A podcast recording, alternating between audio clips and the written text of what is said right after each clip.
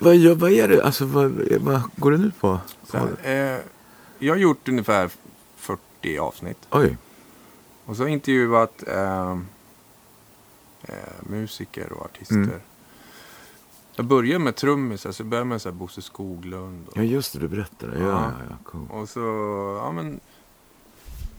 Det är alla möjliga, men flest, mest sådana som, som du som har liksom gjort så jävla Mm. mycket och har en story som är lång. Mm. Och där det finns mycket roligt att ta på. Och så brukar det bli mellan en timme, en och en halv. Och så brukar jag lägga in några låtar. Så det blir så här som Här är ditt liv fast... Okej. Och du får alltid lyssna innan jag lägger upp det. Om det är så här, ja men det där känner jag, det var dåligt eller så. Okej. Coolt, coolt. Så att jag ställer lite frågor Ja. så tjötar vi på Ja, lite. visst. Det gör det. Välkommen hit Mikael Rickfors. Varmt tackar. Eller ja, välkommen hit. Vi är hemma hos dig faktiskt. Ja. på din veranda här. Och eh, den här podcasten heter Jag spelar för livet. Ja. Och eh, vi träffar eh, intressanta musiker och artister och låtskrivare, producenter. Som har gjort ett avtryck i svensk och internationell musikhistoria. Och, eh, men som fortfarande också är aktiva. De är roliga att prata med. Jag brukar ställa lite snabbfrågor. Okej. Och sen kommer vi och så drar vi din story. Mm. Och så får du, om det är Shoot. något du inte vill prata om så säg pass. ja, ja, nej men... eh, ja, precis. Det är mycket jag inte vill prata Ja, om. men då pratar du inte om det. Eh, men vi brukar fullständigt namn, Per Mikael Rickfors. födelseplats, Eh, Ja, uh, Södersjukhuset, nej, Södra Allmänna BB heter det. i Stockholm då. Ja. Samma dag, Mm. ungefär samtidigt, så föddes um, Lenny Norman. Och vi har legat förmodligen i varsin sån här korg och gapat och skrikit. Det, var en stor, det är förmodligen så. Det är, det är rätt kul. Men ni har lirat ihop eller? Ja, visst. Va? Och han gjorde ett gag om det där en gång när, när vi kom underfund med det. Så, Tvillingsjälar. När är du född? Vilken på året? Eh, december. December. Eh, vad är ditt yrke? Ja, yrke och yrke. eh, Ja, alltså jag gick ju när jag, när jag eh, slutade skolan så gick jag i konstskola i många år. Och, eh, och dessutom utbildade jag mig till grafiker. Och det är en ganska lång utbildning på skola för bokhantverk och så vidare. Men, men eh, jag har aldrig jobbat som det. Nej. Inte en dag. så det var bortkastad, bortkastad tid. Så, eh, för jag spel, när jag är på konstskolan så spelade jag ju... ehm, hade jag ett band som vi spelade på, på helgerna då oftast. Mm. Och sen jobbade jag på Stockholm Barn där och sorterade brev. som många har gjort i den här Ja. branschen. Ja. Brev och paket och finansierade liksom skola och, och spel och liv på det viset. Ja. Men eh, ditt yrke nu, kan man säga att du är eh, kompositör och eh, artist, musiker? Ja, musiker, ja, artistsångare, spel, skriver och producerar och sådär. Ja, du är producent också. Ja, det har jag inte gjort på länge i och för sig, men, men det, det, det kommer jag nog göra vad det lider. Mm. Men det är någon slags kreativ, ja, men Ja, man brukar ju tycka om grafiska saker också. ja, ja visst. Oh, ja. Om man gillar, det brukar ju hålla, liksom vara ett. Jag tänkte, du har gjort, enligt mina eh, undersökningar här, så har du, du har gjort ungefär 21 album, stämmer det? Du, jag har inte hållit reda på det. Eh, Det kan nog vara sant så. Och Jag har väl gjort en 15-16 här i Sverige och tre i, ett par i USA och ett par, tre, ett par tre stycken i England. Mm. Eh, Du är 45 år som skivartist. Kanske jag vet. Eh, Jag kollade upp, så 72 kom den första inspelningen som jag kunde se. Ja, ja, 72 då, var jag ju, då jobbade jag i England. Mm. Och det var ju då de här första Mm. Inspelningarna med, med Hollies. Mm. Det var 72. Men jag gjorde ju faktiskt innan, så på 60-talet så gjorde jag ett par skivor. Alltså sådana här små singlar Ja, med mitt band Bamboo. just det. Det var innan det. Just det. Är över 50 år som Ja. skivartist. Det är ju imponerande. Vilka instrument spelar du förutom gitarr och sång? Um, alltså jag började som basist egentligen. Um, spelade bas och sjöng. Uh, men sen uh, tog jag gitarren. Och när jag skriver så har jag, använder jag flygeln lite grann så. Men, men jag har aldrig liksom spelat eller uppträtt med flygel. Någon enstaka gång kanske. Eller Wurlitzer har jag. Mm. så. Trummor har du varit på det? Nej. Du, du spelar ju... Alltså jag spelade, jag- när vi turnerade i USA så, så då spelade jag faktiskt både eh, flygel och percussion, i Mm. små, och bas och gitarr. Men, men ehm, inte bra. Alltså, Mm. Nej. Men det är kul. Eh, vilket är ditt första musikminne? ja du, eh, vad kan det vara? Alltså det, eh,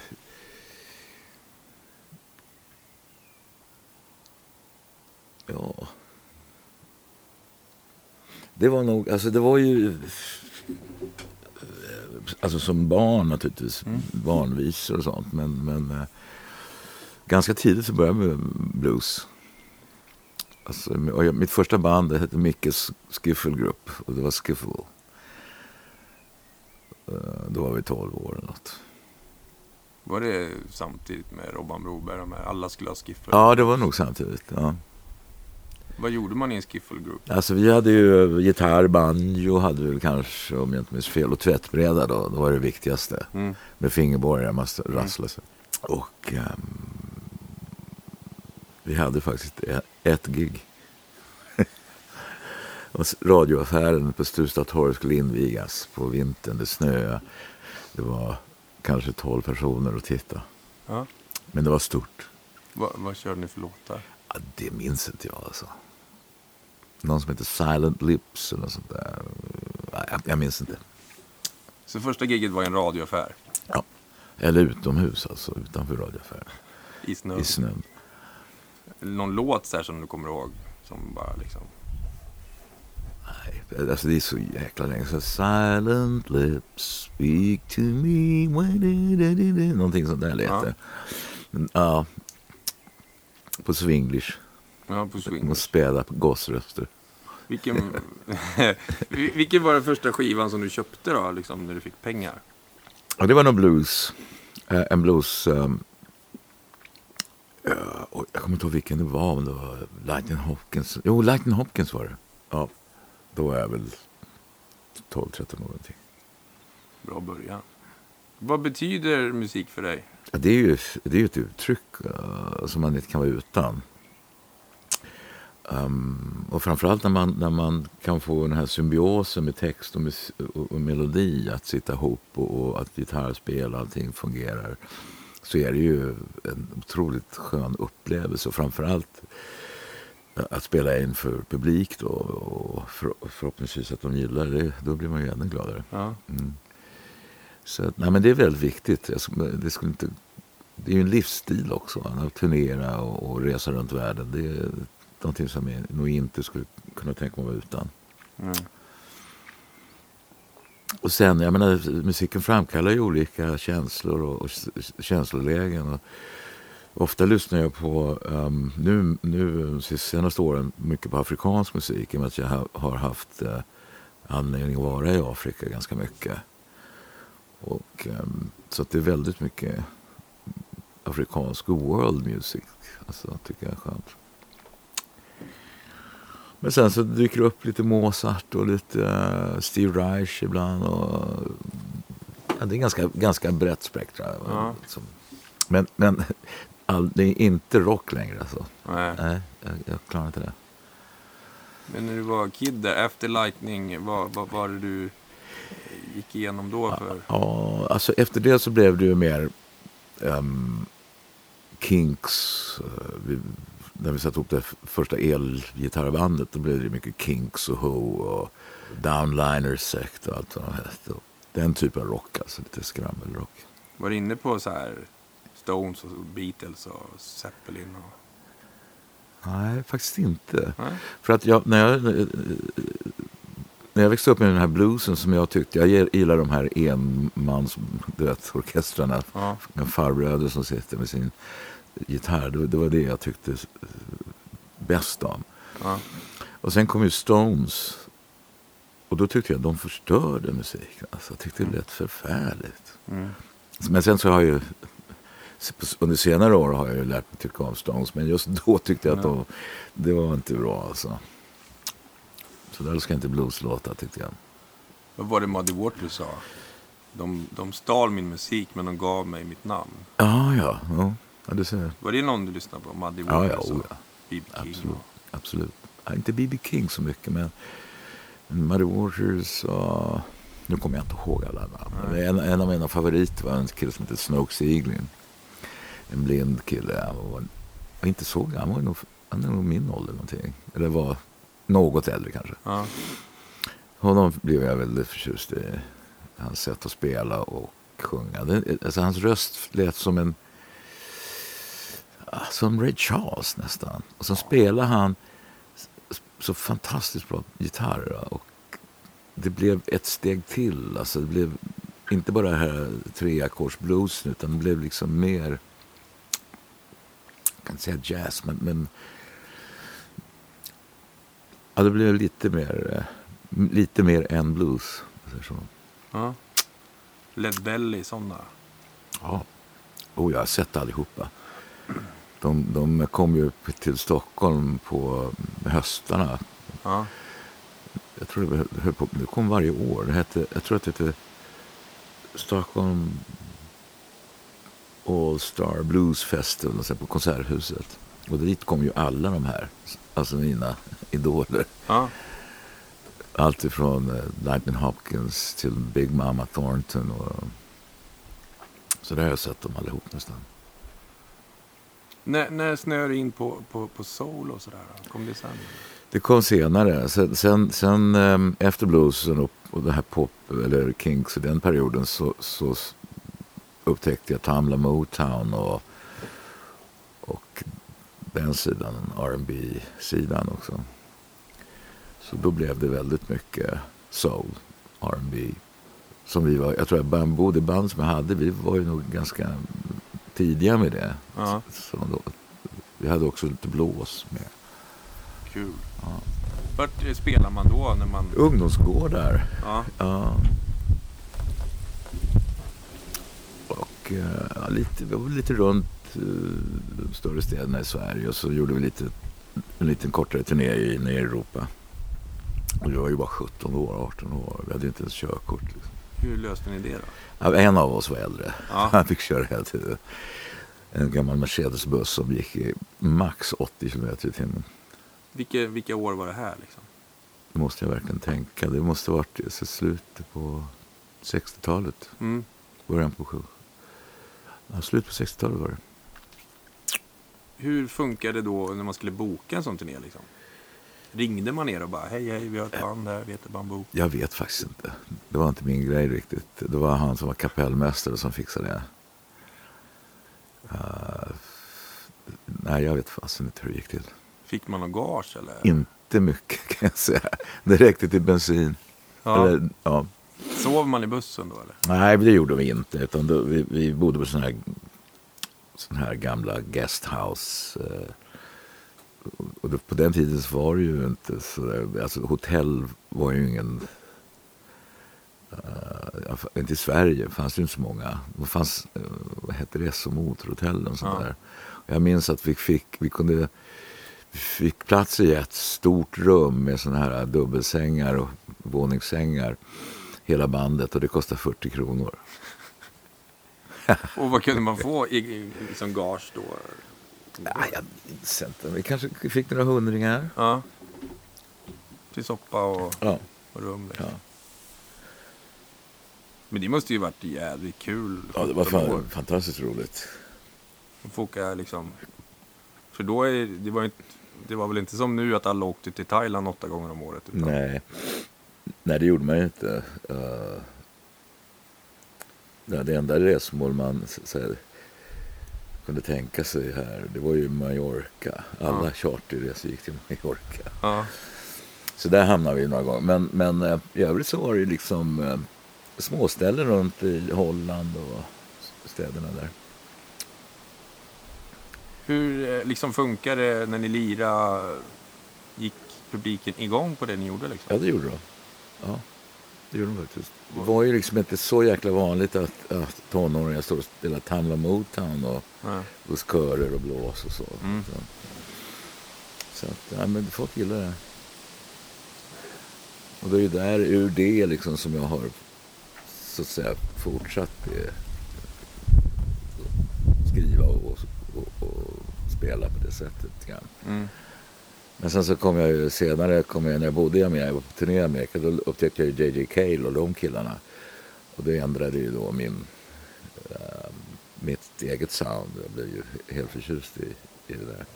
Så att mycket av mitt som jag har gjort eh, då eh, under 70 80-talet var ju mycket lite laid back, JJ Cale-ish. Ja. Du fick ju liksom gigget att sjunga i Hollies rätt Ja. tidigt va? Ja, 71. Så du gjorde några år med bambu där och sen... Mm. Hur, hur fick du det gigget? Liksom? Ja, det var faktiskt med Bamboo. Vi var förband till, till The Hollies på en konsert i Göteborg. Och ehm, Tony Hicks som då var någon slags ledare i det bandet ehm, ville hitta nya stjärnor och producera och nya artister och så vidare. Så han gillade oss. Så att, eh, han sa, "Ni kom över till England nu så gör vi en skiva. Så vi åker över och Eh, det blev inte något vidare. Så vi var inget bra studioband kan man väl säga. Det var mer live och eh, låten han presenterade var väl inte så kul och han var väl inte heller så driven producent just då. Så det rann inte sanden. Men sen eh, något halvår senare så ringer de han eh, Mr Robin Britton som var deras eh, manager och frågade om jag hade lust att komma över på en audition då i London för Alan Clark skulle sluta och göra solokarriär. Och det gjorde jag ju Ja. över. Och då hade de skrivit, då fick jag över en, en låt skickad hit som jag skulle lära mig, som jag skulle ha sin audition med. Och eh, kom till Air Studios i Oxford Circus. Och där är det flera hundra sångare från England som står i lång kö. När alla har med samma låt. och eh, jag går in, det var min tur. Jag börjar liksom, börjar lite skralt sådär. Men vi tog om och sen bara, thank you, we call you, don't call us. så jag åker hem. Och sen ringer de efter någon vecka eller så. Och sa att eh, jobbet är ditt om du vill ha det så.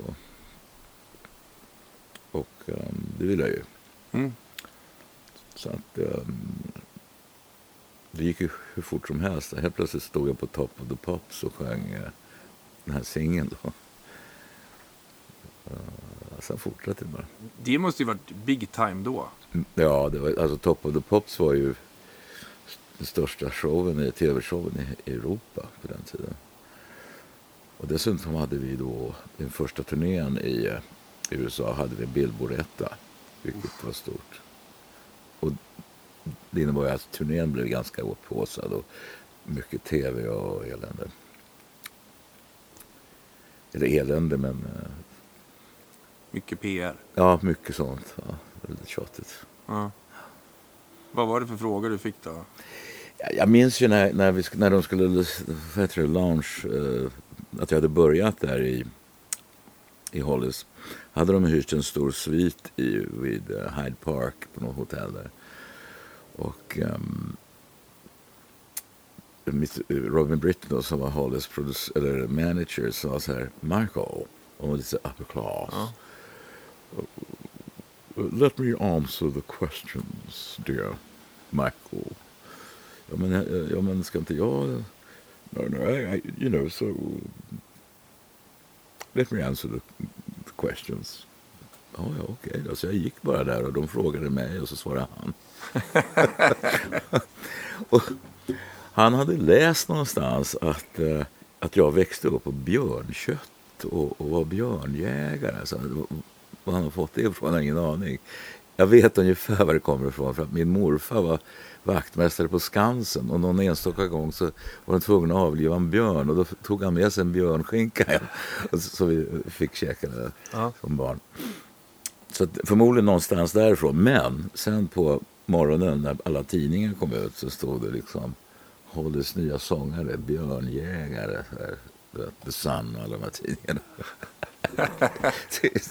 kan inte jag få svara nästa gång, snälla Robin? Fick du det sen då? Ja, sen blev det. Alltså det ju, man tror ju liksom att när man kommer dit att ja, jag kan ju prata engelska hur bra som helst, men det kan man inte. Det tar ett år eller två att få in det liksom. Hur såg det ut när ni åkte i USA till exempel? Var, det så här Eh, morgonradio och sen var det tv och sen var det gig eller? Men ja, alltså, jo. Det var mycket så här mm, local stations liksom. Och vi gjorde alltid så här, när vi gjorde turnén så hade vi eh, en månad fullsmockad med, med, med gigs på college. Så vi värmde upp liksom på college under en månad. Olika, eh, tills vi då kände att nu kan vi ställas på de stora scenerna. Men det var mycket, alltså mycket vi gjorde. Jag minns en gång vi gjorde vad heter det? In Concert, det är en nationwide um, show från Santa Monica. Pacific Auditorium heter det. Och um, förbandet var Billy Preston. Alltså a local fucking superstar. Va? Med sånt jävla band med blås och kör och dans. Och, och folk blev, du vet, de var ju helt... Um, de bara skrek av förtjusning. Och så skulle vi, kommer vi fem smala engelsmän liksom, med små gitarrer så här. Och inte nog med det, utan då gick PA sönder när vi skulle på. Puff sa det. Så vi fick spela på de här smala som, det som sitter i taket. Så här små. Ja. Och vi spelade någon låt eller två så började publiken skrika så här boo, boo, go back to England. Kul. Fan, det är ju hårt. Ja, det var hårt. Men eh, vi fick faktiskt eh, gå in i studion och eh, i och med att P8 hade gått sönder och sådär så fi- fick vi gå in och spela spela om låtarna, alltså studio. Så att det blev ju hyfsat bra till slut. Och hur, liksom länge låg man ute i då liksom, när man var i USA? och Sådär? Ett halvår kanske, fem månader, sex. Åkte ni runt i hela staterna? Då? Ja. Det var vi. Du måste ju fått sett otroligt mycket alltså. Ja.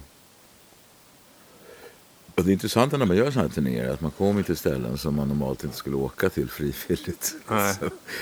Så, eh, det finns ju, I Amerika är, det, det, finns, ja, det finns ju otroligt vackra ställen men det finns också otroligt hemska ställen Ja. och, som man hamnar på då och då. Som, Ja, ja, alltså det är de här gruvstäderna uppe i Klippiga bergen där är inte roliga. Och, nej.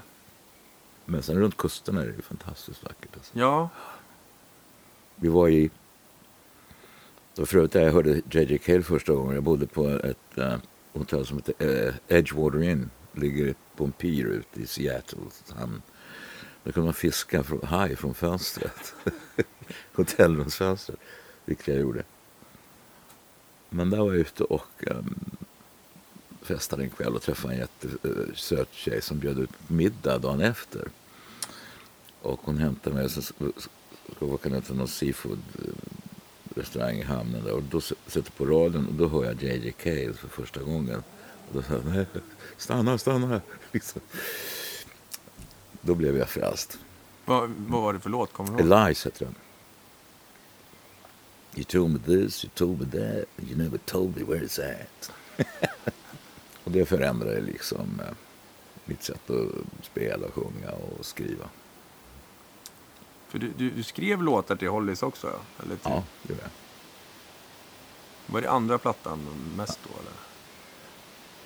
Ja, nej, det var nog första också. Jag skrev ett par stycken på den första. Och ett par stycken till den andra och tredje. Så att, um, när jag, när jag sen, sen la, la av med Hollis så, så åkte jag hem och jag träffade en, en uh, ljudtekniker som hade byggt en studio. Så efter, nej, först, först var jag så trött på allt musikbranschen så satt jag med en fiskestuga ett år uppe i Roslagen. Och um,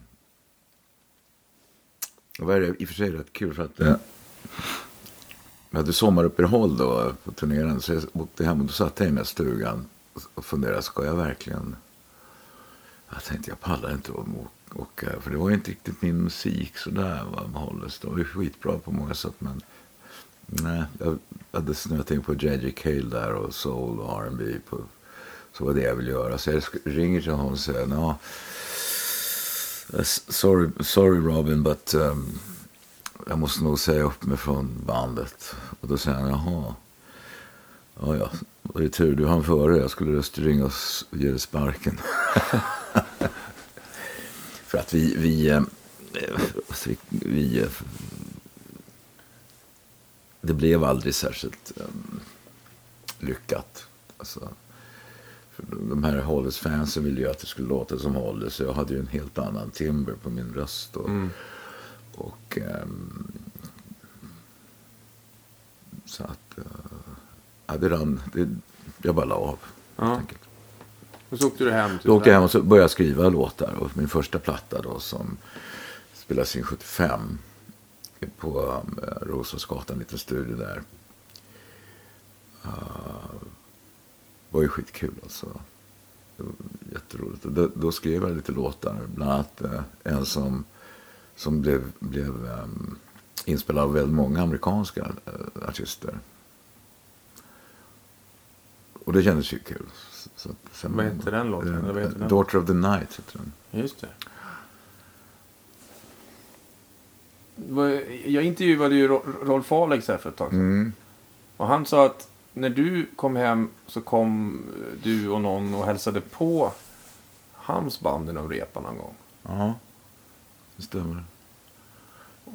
Då var du ganska färsk från... Ja, eller precis kom hem då. Ja. ja precis. Jo, men vi, vi, eh, Rolf var med. Vi, vi hade ju ett band där, gjorde lite mm. gigs. Och, jo, han var ju med, nu kommer jag ihåg, vi, när, när jag gjorde platta nummer två. Då tog de hit en kille som heter Tom Salisbury, en amerikansk eh, producent som har producerat Van Morrison, Pointer Sisters. Och han berättade, uh, you know guys, you know, we, när vi ska ut på turné så först kör vi en månad i Las Vegas. Två shows, ibland tre om dagen. Liksom. well, you know, after, after a month, you know, it starts to pop in a bit. Då tyckte han det var bra. Mm. Och så mycket spelar man ju inte ens på ett år här. Alltså. Nej. Men då var han i alla fall producent och då spelade Rolf Alex trummor. Och han hade ju då, de har ett helt annat sätt att jobba där. De, de hade ju partitur och noter och vända liten trum. Uh, Hi-hat-lyft stod nerskrivet. Aha. Jag såg Rolf Alex, han bara satt där och var alldeles förfärad. Alltså, det här kommer inte att gå. Um, men det blev en platta till slut. Um, dock alldeles för tillrättalagd enligt mitt syfte. Eller mitt sätt mm. att se det. Mm discoaktigt på något vis. Men Lite så här slickt liksom. Ja, verkligen. Mycket. Men det är inte J.J. Cale. Nej. Långt ifrån. Ja, ja, precis. Så då Rolf Alex och eh, jag minns inte vad de andra killarna hette. Peter hette någon basist. Peter, jag har glömt hans namn. Mm. Och Robban på keyboards. Ja, jag kommer inte ihåg. Det är så mm. jävla länge sedan. Innan vi, vi går vidare i din story så tänkte jag om du kunde nämna tre stycken sångare som du tycker om eller influerats av förutom ja, J.J. Cale har du nämnt. Men... Alltså J.J. Cale är ju ingen sångare direkt. Um, han är bara cool så att säga. Men ofta är det ju de här, de här soul-killarna liksom. James Brown mm. till exempel. Wilson Pickett, uh, Otis Redding. Ray Charles kanske? Ray Charles, självklart. Uh, ja, det är typ den. Ja, de sjunger ju så jävla bra. Ja, Som, ja. ehm, om du får nämna tre kompositörer, låtskrivare som du tycker om. I wanna be your sledgehammer. Ja, vad heter han då? Peter Gabriel, ja. ja. Just det. Väldigt bra tycker jag. Sen fanns ju en del eh, alltså fräcka låtskrivare i USA där. Som, men de- jag har glömt bort namnen på dem. Alltså. Om du får nämna tre band då, så här, som du liksom går igång på. Eller artist, eller liksom, förutom, det behöver inte vara sång eller bara, bara som, Från den tiden menar du? Eller? ja, ifrån alla tider. Ja, men nu lyssnar jag väldigt mycket på... ehm, jag tycker Eagles var bra på den tiden. Mm. Ehm, Little Feet. eh, Men jag tänker vi kan fortsätta då. Och då, då gör du två skivor. Vad, vad händer sen då? Ja, alltså eh, då var ju, jag låg på CBS då tror jag det var. Och eh, de trodde ju verkligen på det här. Alltså, Mm. och, och de anställde, anlitade den här producenten. Och de, hela CBS kom över från New York hit. Och vi skulle göra en stor konsert och PR. Och, och så, men den här skivan som jag sa, den var inte så kul alltså. Nej. Så att um, det hände ingenting med den. Ah, det är den sämst säljande skiva jag har gjo- gjort någonsin. Eh, men sen fortsatte jag. Skrev mer låtar och Mm. ehm, så fick jag helt plötsligt en hit på den här Dancing on the edge of danger. Den var väl på platta tre tror jag. Och eh, då började vi turnera på riktigt. Och då hade jag hittat ett sånt jävla bra band, svenska musiker. Eh, det verkligen svängde alltså. Det var jättebra. Vilka var det då? Ja, det var eh, Per Lindvall på trummor. Eh, Sam Bengtsson bas. Håkan Björnheim på gitarr. Och, och så var det lite olika keyboardister och så här. Och Micke Hagström var en kille som spelade gitarr. Då fick vi faktiskt en hit i, i Tyskland. Så vi hade en egen tv-show där nere. Och Med blås och... Det, så, det var på riktigt alltså. Skitkul. Vad, vad hette den tv-showen? Det minns jag inte. Vad, vad gjorde ni då? Ni kom dit och spelade? Ja. Det, det, I, um, jag tror det var Hamburg. Mm. Hur ofta var den på tv? Eller var det liksom en gång i veckan? Eller var det... Nej men alltså det var en, en tv-show. En, Ja, som okej, en, och en halv timme som Mm. konsert. Ja, fan vad hårt. Eh, Så det, då blev det en hit. Då var den här Dancing on the edge of danger. Mm. Som, som, um, och så. Men så fortsatte jag. Nästa skiva var den här Tender Turns Tough. blev också en jättehit. Åkte du mest utomlands då? Eller var det Sverige? Nej, det var mest Sverige. Ja. Mm. Vart spelar man då? Var det så här konserthus och rockklubbar? Eller? Ja, precis. Och, och, även lite folkparker och festivaler och sånt. Mm. Roskilde spelade vi på. Och sådana festivaler. Liksom. Mm. Sen var det ju mycket sådana nattklubbar. Man gjorde klockan 12 började man spela. Och Ja. en timme. Svettigt. Ja, sen gjorde vi lite konserthus i Stockholm. Gjorde vi, och Göta Lejon gjorde vi. Och den typen av lokaler. Sen är det en skiva som, som, som jag upptäckte när du gjorde, någon, gjorde en soulplatta liksom, med, med klassiska soul-låtar. Ja. ja, just det. Det stämmer. Det gjorde vi. ehm, jag och min ljudtekniker Lars Gustafsson, en fantastisk kille. Vi och ehm, en dansk, dansk kille som heter Nils Kvistborg. Vi byggde en studio på Bastugatan. Bastun heter det. och ehm, där gjorde jag en, en platta med, med, med låtar som jag gillade. Alltså. Mm. Och, jag hade ett par egna med där. Men, men eh, det var en coverplatta kan man säga. Och då var det ju de här eh, som jag tyckte var så...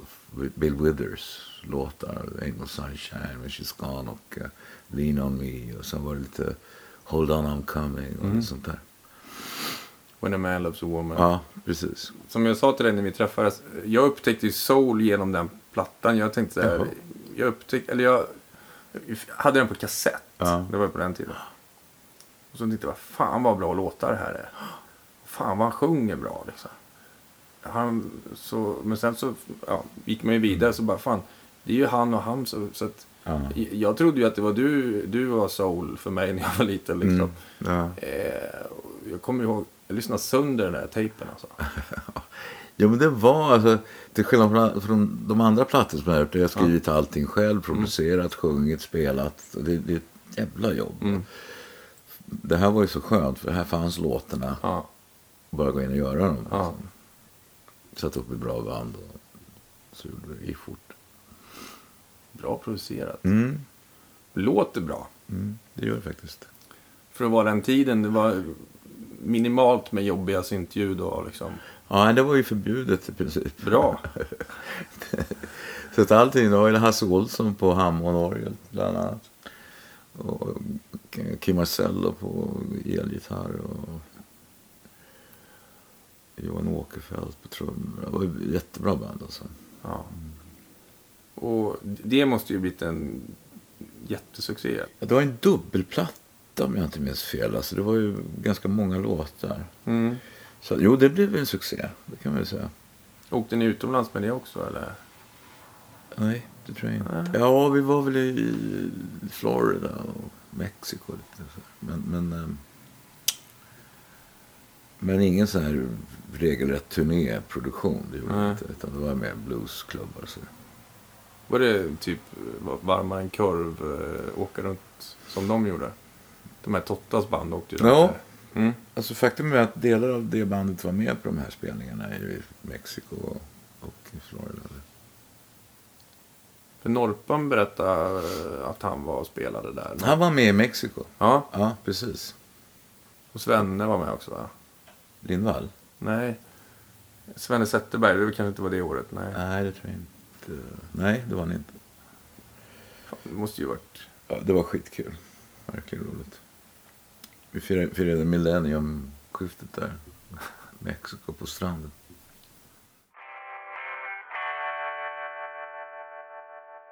Men eh, om vi tar lite milstolpar då. Eh, turnéer som du kommer ihåg med som var roliga? Eller? Ja, alltså det är ju... ehm, Jag har ju varit lite olika. Så jag, äh, när, när jag gjorde den här Vinga för pengarna, Ja. då började det liksom komma riktigt mycket folk, så att säga. Och jag minns, jag hade, bott, jag hade spelat in skivan och sen flyttade jag ner till Ibiza några månader medan den kom ut. Så att säga. Jag hade, visste inte att den hade slagit så enormt. Så, så, då sa han som bokade den här sommarturnén, du måste komma hem nu för vi ska göra turné. Och jag åkte hem. Och eh, jag minns, jag minns inte var det var, men, men jag minns att mitt hotellrum låg precis på vägen där folk var på väg upp till den här folkparken. Jag ligger där med fönstret öppet och vilar mig så hör jag liksom tusentals med människor komma ett långt tåg och sjunger Köpa vingar för pengar. Fan är det som händer? tänkte jag. Då går jag ut och tittar, då kommer det lämmeltåg. Alltså tusentals människor som sjunger den här låten. Och tänkte jag, det där måste ju vara en hit. Ja. Och det blev det ju, våldsamt. Det måste ju varit liksom största låten i flera år. Ja, bara. Hur stor var publiken då när ni åkte runt när den var som störst? Liksom? Ja, så, så mycket som det gick in. Men Det kunde ha varit en 5-6 tusen. Och så.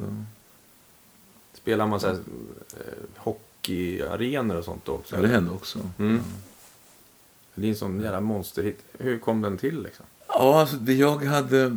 Jag hade ganska nyligen landat tillbaka i Sverige.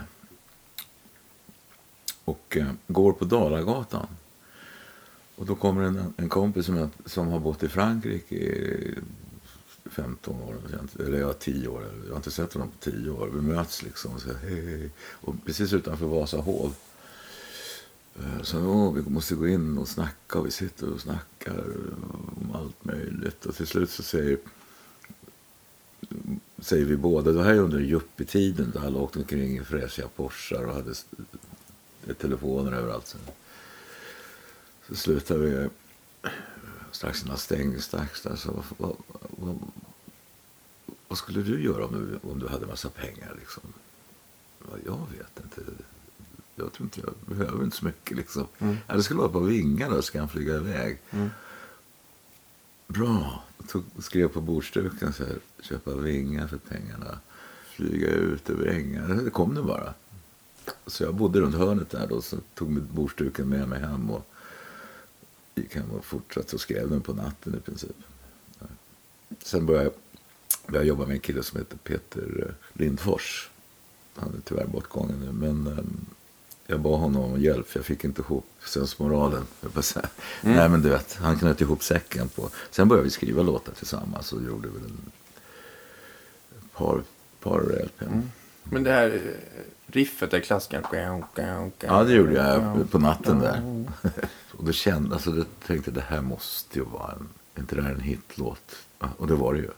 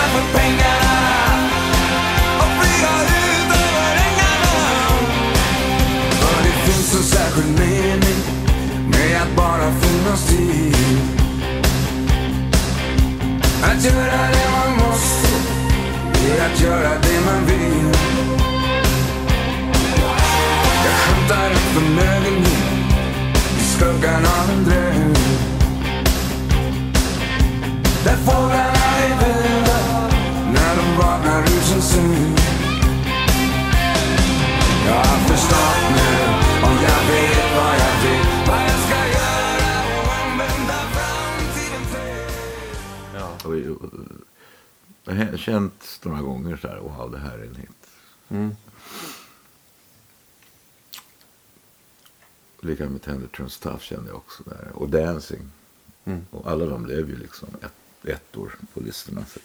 Ja, för du har ju skrivit låtar till jätte, eller jättemånga, men du har skrivit låtar till många. Så här, Percy Sledge. Ja, precis. Carlos Santana. Ja. Cyndi Lauper. Ja, Cyndi Lauper blev ju en jättehit också.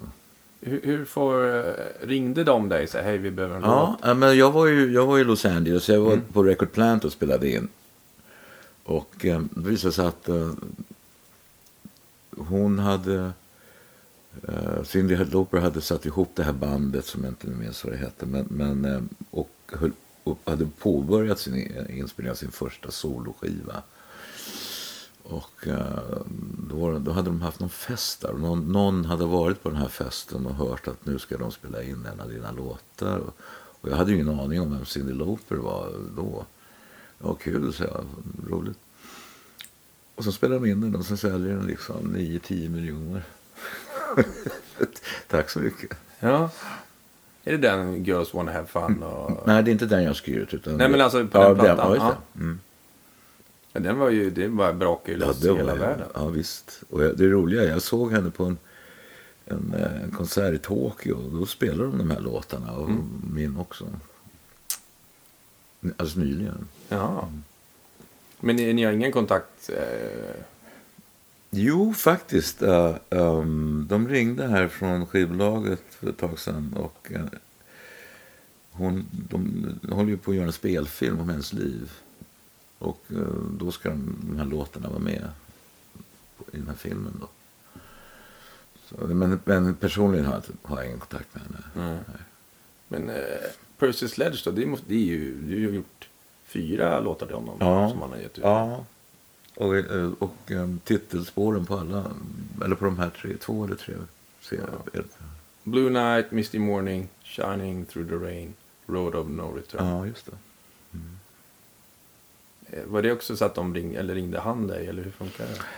Ja, vi, alltså, jag eh, har ju fortfarande kontakt med mycket folk som jag, som jag lärde känna när jag turnerade där och bodde Mm. där. Och uh, den kille som heter Sol Davis som var någon slags eh, PR-ansvarig på vår första Hollis-turné där. Och honom har jag hållit kontakten med under alla år.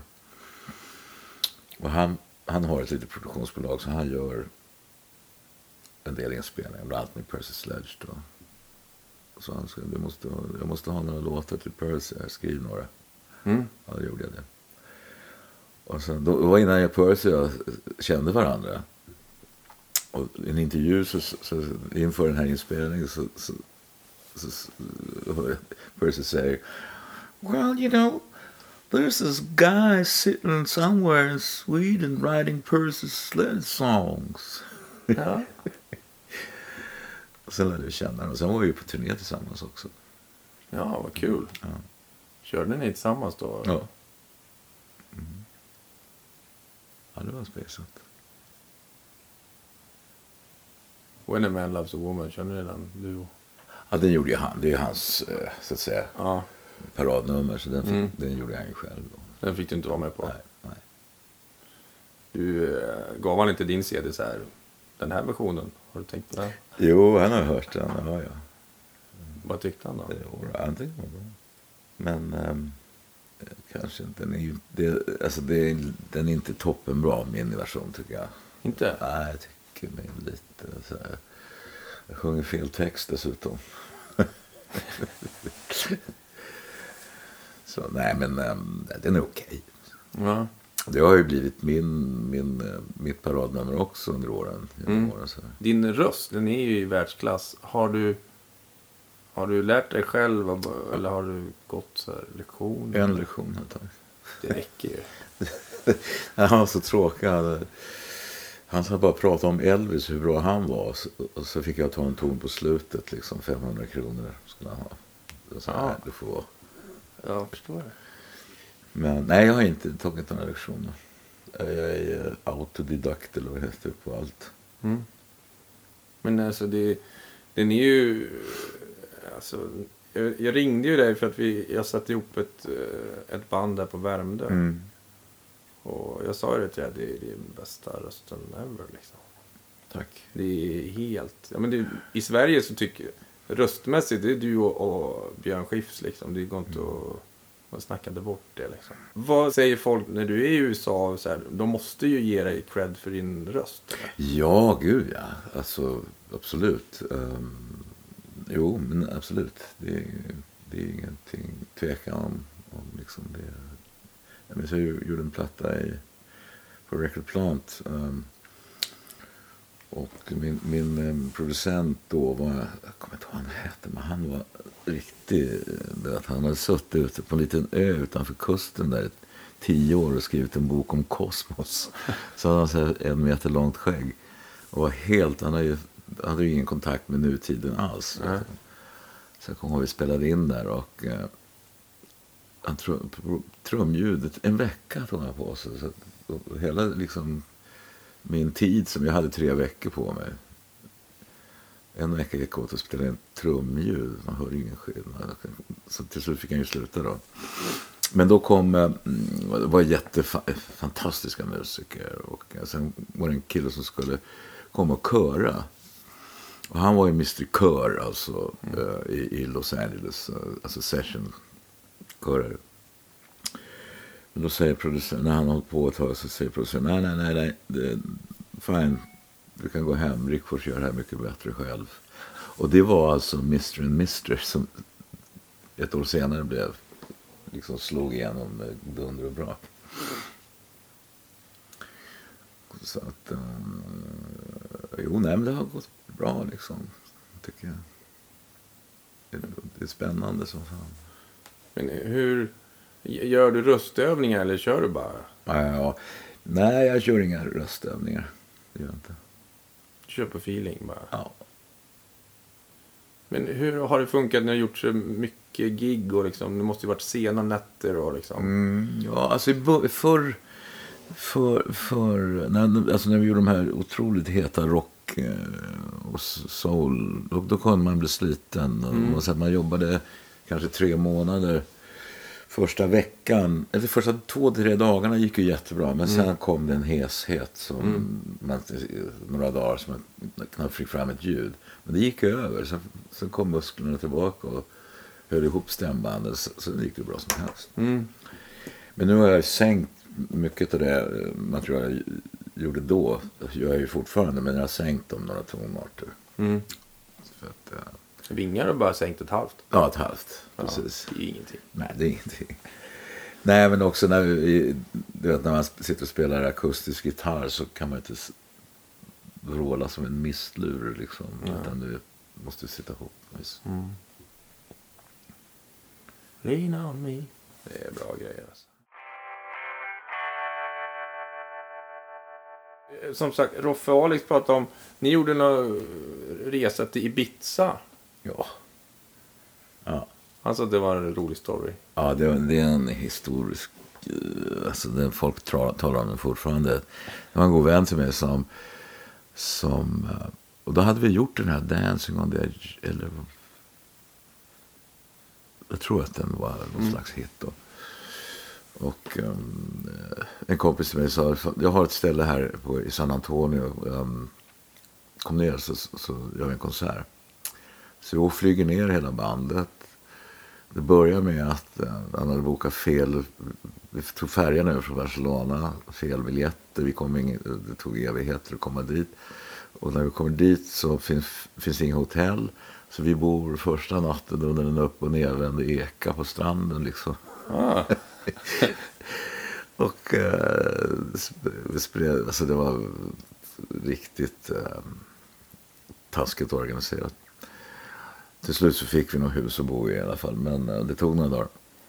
Och sen skulle vi göra, en, göra den här konserten. Och då, då, har, då har eh, någon resebyrå gått in och eh, ska hjälpa till att sälja biljetter och så vidare.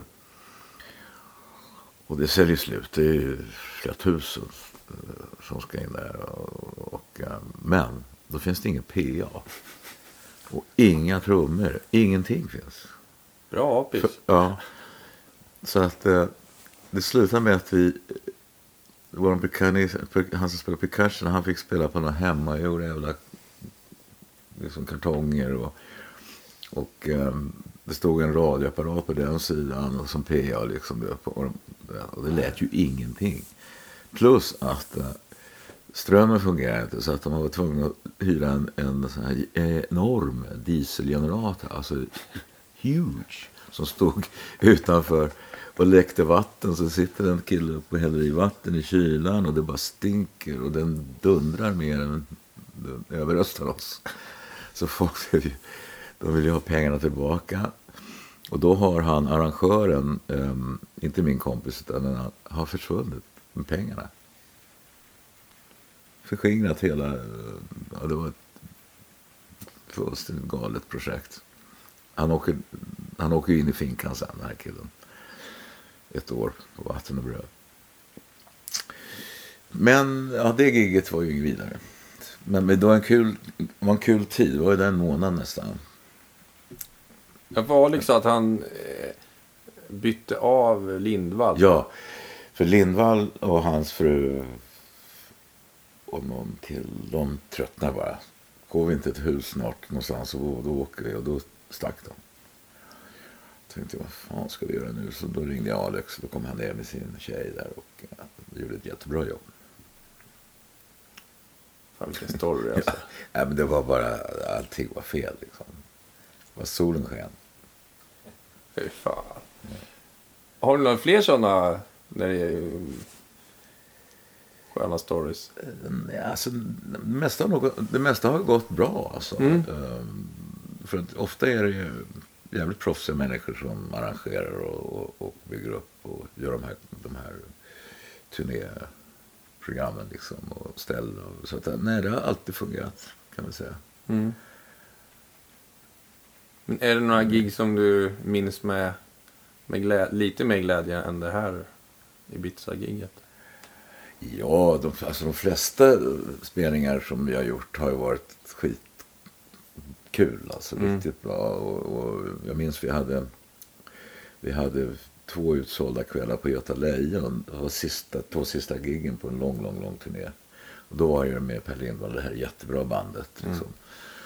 Och då spelade vi in det, på tv spelade in det.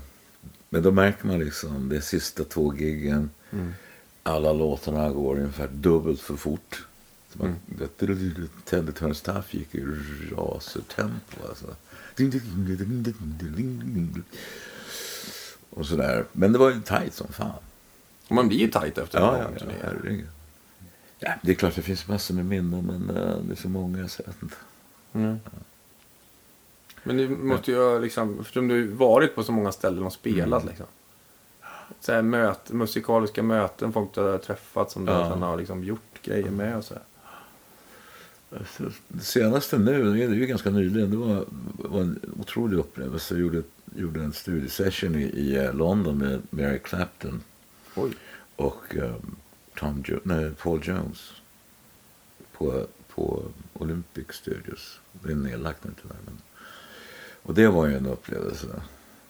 Fantastisk. Vilken otroligt proffsig människa Sen hade jag en tekniker då som kom ner till studion med en liten förstärkare och några gitarrer. Och tittade vilken hörna Erik skulle stå i. Ja, där borta blir bra. Sen stämde han gitarren och ställde in ljudet. Och sen så kommer Clapton ner och eh, körde några riff bara så här värma upp. Det var liksom wow. Det var makalöst alltså. Sen gjorde vi några låtar. Och sen gick vi ut på kvällen och skulle käka middag då. Då både Paul Jones och eh, Eric Clapton är ju fräls, alltså frälsta. Så vi går ut där och eh, tar en jättefin liten restaurang. Och tänkte, åh gud vad gott ska det bli med ett glas vin. Men det var ju inget snack om att det var bara Ramlösa eller mineralvatten. Och så var det bordsbön. Fast det var trevligt. Ja, mysigt.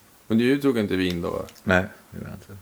Men, men eh, Clapton berättade just eh, då eh, att han var så förtjust i J.J. Cale. Och att de har ju gjort några skivor tillsammans. Han sa det var ingen lätt match alltså. För det var en envis rackare och det är jag också. Så att, eh, men det blev, ganska, det blev ju bra skivor. Han har gjort en version av Call Me The Breeze. Mm.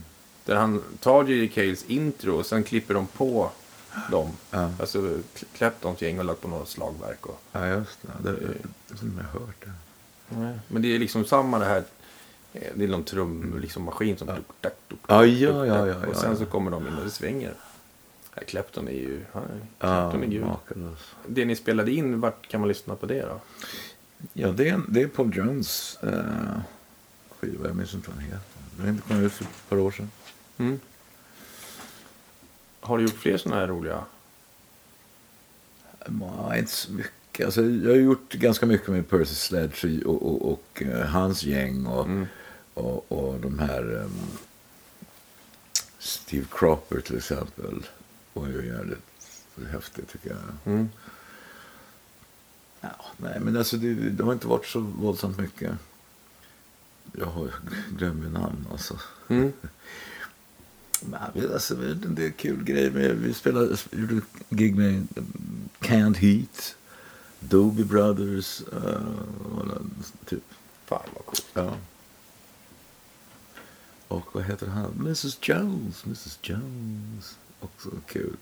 Enorm hit en gång tiden. Eh, du menar... Eh, Counting Crows? Mr Jones? Inte där? Mrs Jones, Mrs Jones. Var en hit på 70-talet. Jaha, Det är länge okej, ja. sedan. Nej, men alltså, sen har vi gjort en del kul inspelningar i London. Vi hade, jobbade med eh, P.P. Arnold som körade på min skiva där. Och sköna musiker. Vi jobbade mycket på Abbey Road. Du har gjort det ja. Och där träffade vi liksom alla. Paul McCartney och alla de här. Buffy St. Marie var grym. Hon var med, eller jag var med på någon session där. Jag minns inte vad det var för låt. Vad var det för låt? Bara jammade ni eller var det någon som hon? Ja, nej, jag, jag kommer inte ihåg faktiskt. Alltså, jag var bara, hängde in på där. Hon var i tvåan och vi var i trean eller Mm. tvärtom. jag tror men det var Carole King också. Ja, men det var en, var en kul. Alltså, mm, Abbey Road är ju en fantastisk institution. Mm. När man kommer dit så, så står det liksom en herre, äldre herre i uniform och skärmössa.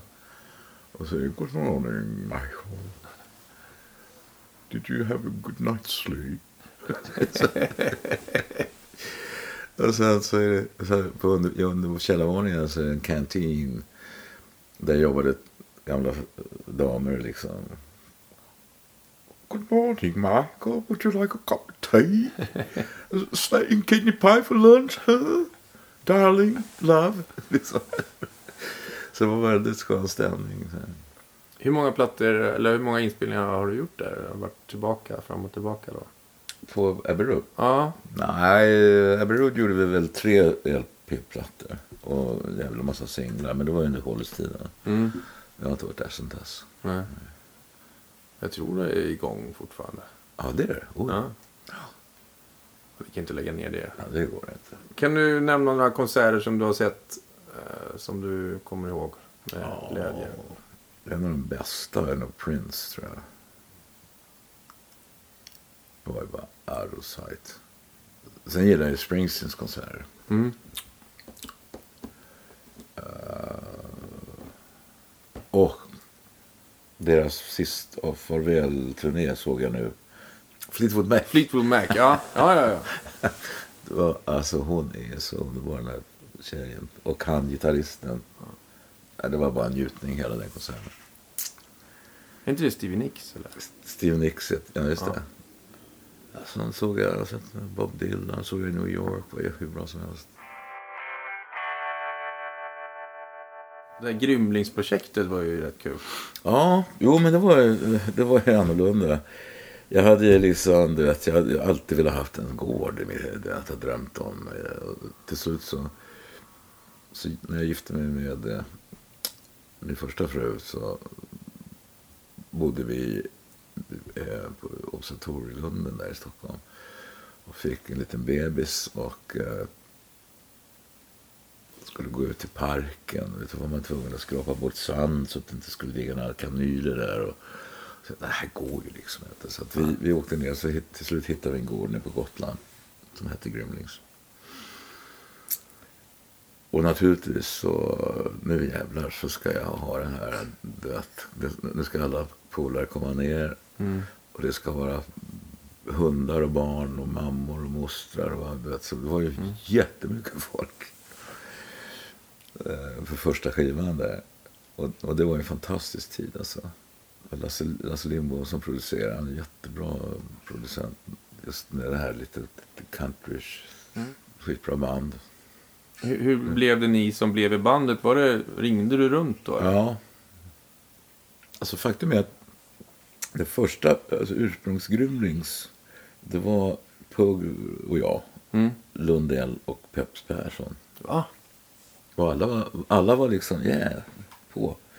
Men så hade vi någon egendomlig manager som, eh, som eh, sa fel saker till Ulf och, och, och Peps. Så de sa, nej, det där låter inget kul. Och då tänkte jag, vad fan ska jag göra nu? Och då ringde jag Göran och Magnus. Och det var nog tur där, för att det blev ju jävligt lyckat alltså. Ja. Men hann ni spela in någonting med Ulf och Peps? Nej, nej. Ulf var där någon gång. Men, men eh, nej, det, alltså det blev någon twist där med den här managern. Eller den här eh, produktionen. Alltså, eh, för övrigt en jävla idiot. Mm. kan jag säga. Mm. Um, någonting, han, han sa fel saker. Liksom. Jag vet inte vad det var dock. Nej. Men det var spännande, spännande sammansättning. Ja. Men frågan var om det hade gått. Nej, det är alltså. Ja, det var nog bra det här, alltså, som, att det blev som det blev. Och det blev ju en våldsam succé. Alltså. Det tycker, jag tyckte det var så skönt att... Eh, alltså, när, man, när man gjort skivor så har man ju gjort, som, som jag sa förut, skrivit låtarna. Producerat dem, ehm, spelat och sjungit och körat det där. Så det Mm. var jättejobbigt. Men här var det liksom, delade man upp. Vi hade ett par, tre låtar var bara. Så, och hade en producent och musiker. Så det var en väldigt smidig, skön och rolig inspelning. Så ni åkte ner, eller du ringde dit dem så skrev ni låtarna sen? Ja, precis. För det- det var ju jätte, alltså, det kommer ju verkligen ihåg att det var big Ja. time. Åkte ni runt med det där i några år då? Nej, en turné gjorde vi. Sen gjorde vi en platta till här i- Stockholm. Då hade ju, första Gremlins, då hade det varit mi- mitt skivbolag så att säga. Stod för fiolerna och organisationen så vidare. Ehm, men sen så, i och med att det slog så våldsamt så var det ju andra skivbolag som ville vara med och, och så vidare. Och då, någonstans där försvann charmen lite grann. Mm. Så andra plattan blev väl okej, men inte alls lika kul. Så den tredje blev jättebra platta, tycker jag. Mm. Men det fanns inte den här charmen i det, liksom, som Nej. första. Ni alla bara jobbat åt samma håll och Ja, ville ha kul. Ja. Ja, det brukar ju skivbolagen ofta Ja, de har... vända på. Ja, verkligen. Ja, det var så tydligt på något vis. Och så kom sista kvällen. Vi, vi jobbade ju då hela, eh, hela augusti då, år, när det nu var. På första plattan. Och eh, då hade tv kommit ner och skulle filma den här äh, konserten. Jag hade bjudit in på, jag hade en stor stallbacke där. Så jag hade bjudit in hela byn, 350 gutar. Och sen hade jag tio så här lamm som på en lång rad grillade och 3000 burkar öl. Jag hade fått spons av ett, bageri, eller ett bryggeri. Och sen spelade vi in det. Det tog ganska lång tid eh, i och med att de skulle filmas i olika vinklar och hit och dit. Men folk stod där och det var fantastiskt underbart roligt. Men sen när vi gjort det här, det tog ett par timmar. Så, så ropade jag från scenen, kan vi få upp några öl nu? Vi är jättetörstiga. Då hör man liksom från baren. Nej, de är slut.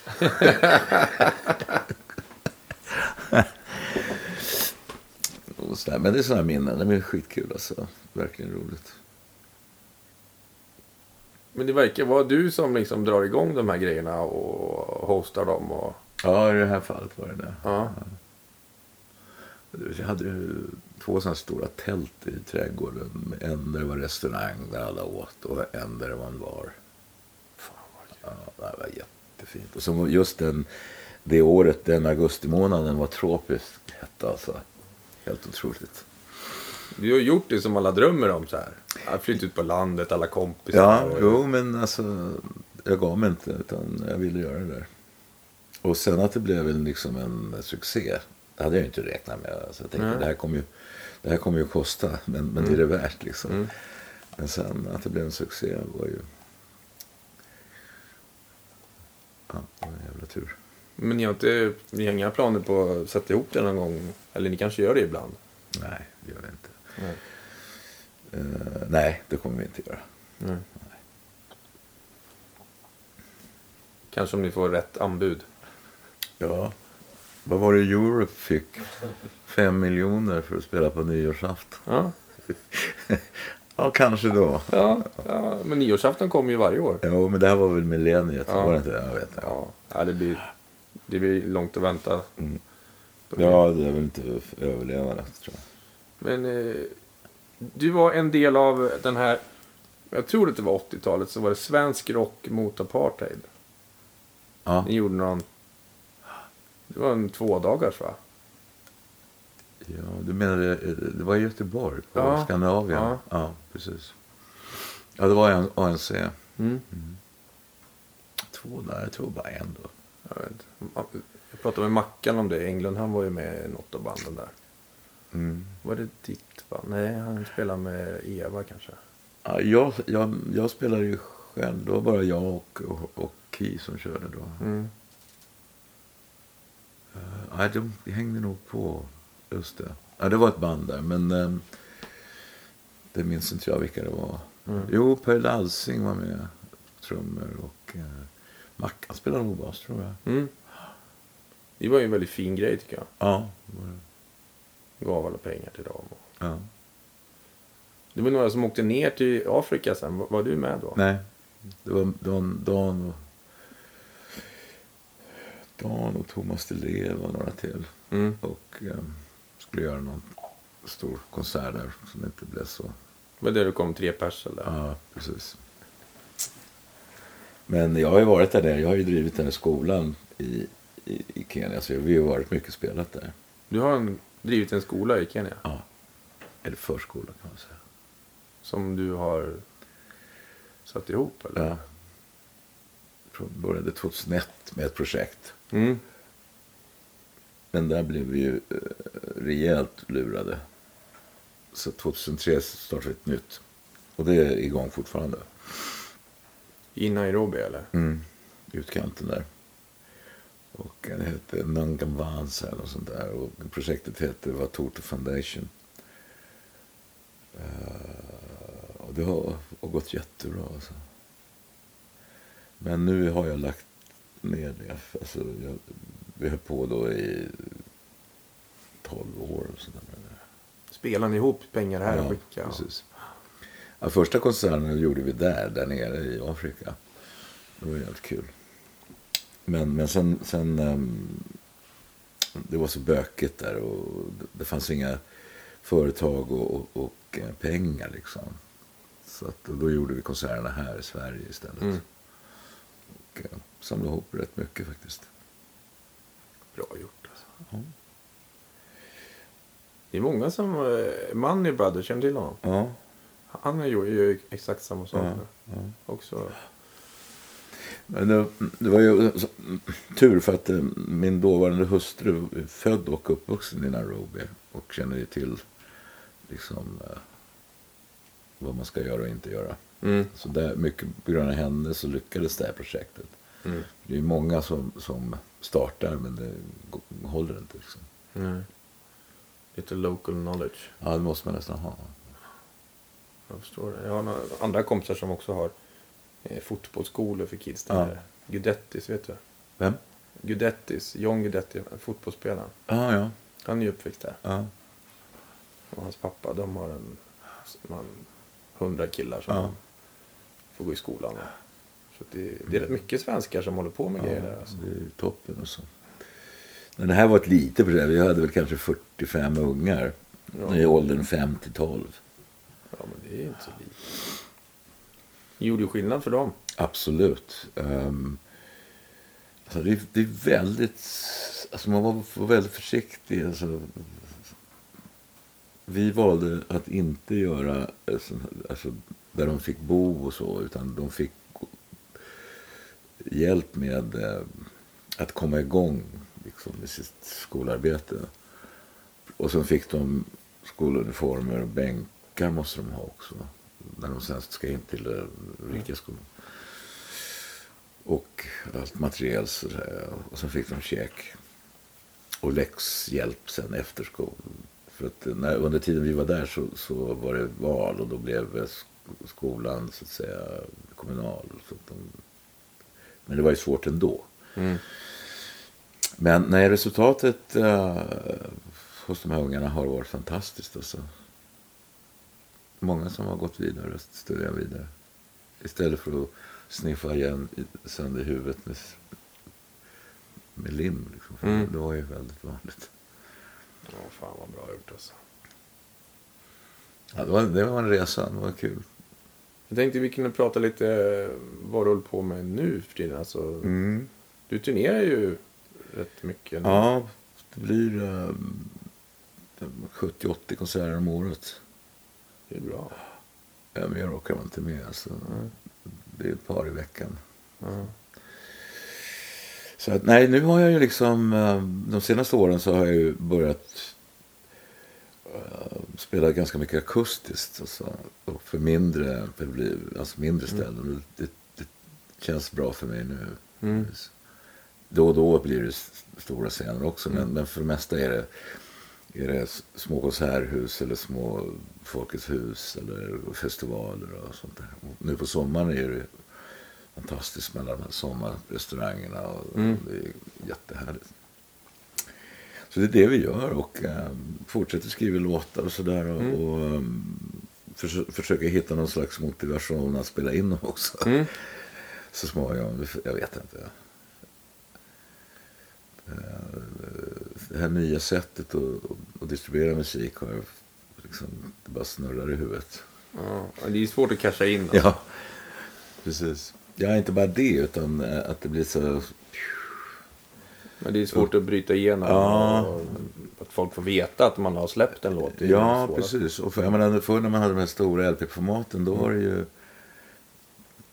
Då fanns det liksom en tanke bakom allt. Mm. Konvolut och, och texter och dedikationer och så vidare. Och vem, vem som har skrivit vad och vilka som Mm. spelar och så vidare.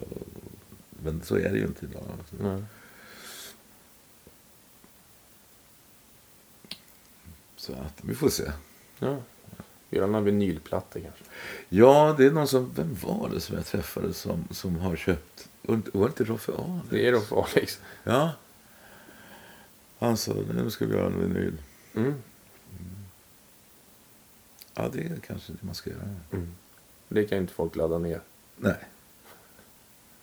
Ja, men merch och sånt. Har du så här t-shirts och väskor? Jag har haft det förr i tiden, men, Mm. men inte nu. Mm. Nej. Ja, alltså, ja, jag har några hundra t-shirts kvar nere i förrådet. Ja, Men, ehm, då vill jag köpa en. va? Då vill jag köpa en. Ja, ni kan få varsin. Det är i sån här bomull, em, ekologisk bomull. Och sen är det em, ett emblem, peace-tecken och så var Toto Foundation. Det var, det var inför den här, Ja. en konsert för um, den här skolan i Afrika. Mm. Det låter ju... Vi får sätta ihop något i höst här. Då. Ja, absolut. Tycker jag. Det var skitkul. Ja. Ehm, Frågan är var. ja, vi, vi tar något bra ställe med bra ljud. Ja, Bra. Har du lust att lira någon låt kanske? Akustiskt. kan jag väl. Mm. Så ska vi spela någon ny, nyskriven kanske. Ja, gärna. Jag ska bara hämta eh, gitarren.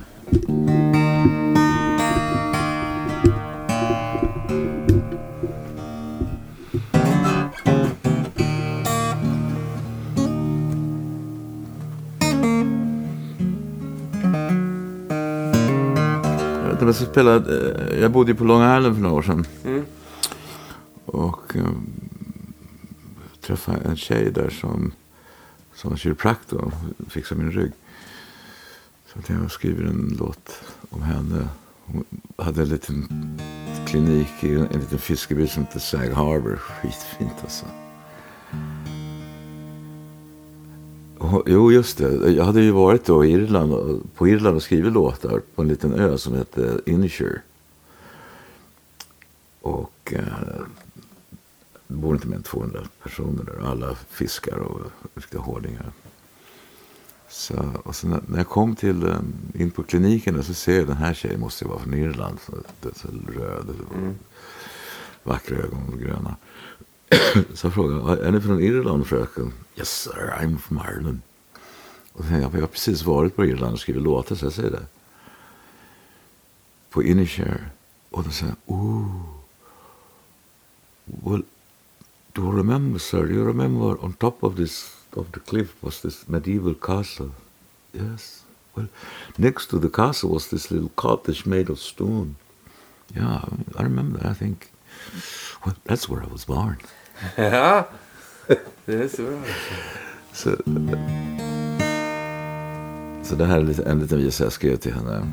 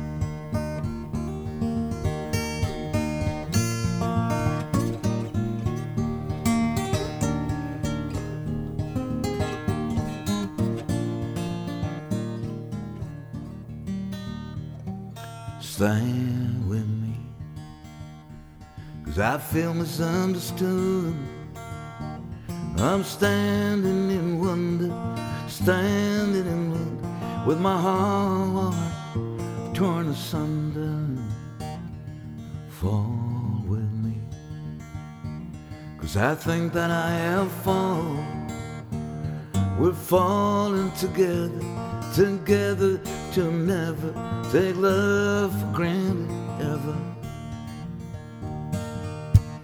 How long has this been going on? How long? How long?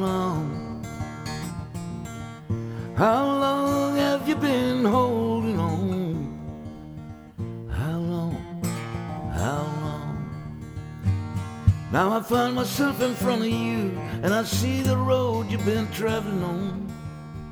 We wanna choose, but our minds are strong, and all those reasons to keep holding on. Take it step by step, day by day, moment by moment, so you find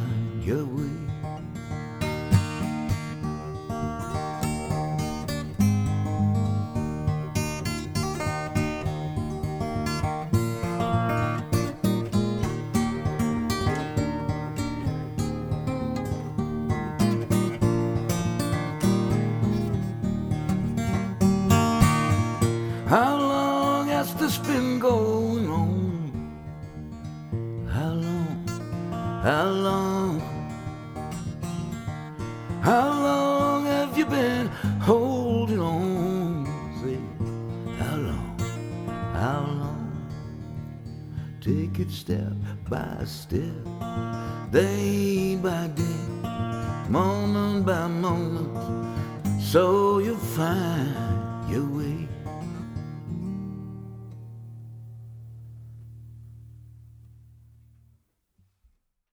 Fan vad fint. Det är helt galet bra. Tack. Ja, den här har du inte spelat in än. Nej, den är inte ens förlagd. Den måste vi ju fan spela in. Ja. Det här är ju fantastiskt. Det här räcker ju med det. Ja, Det är en akustisk platta med lite på. ja ja, men det är väl kanske tanken. Fan. Ja. Eh, tusen tack Mikael Lyckvold. Ja, tack själv. Det var kul.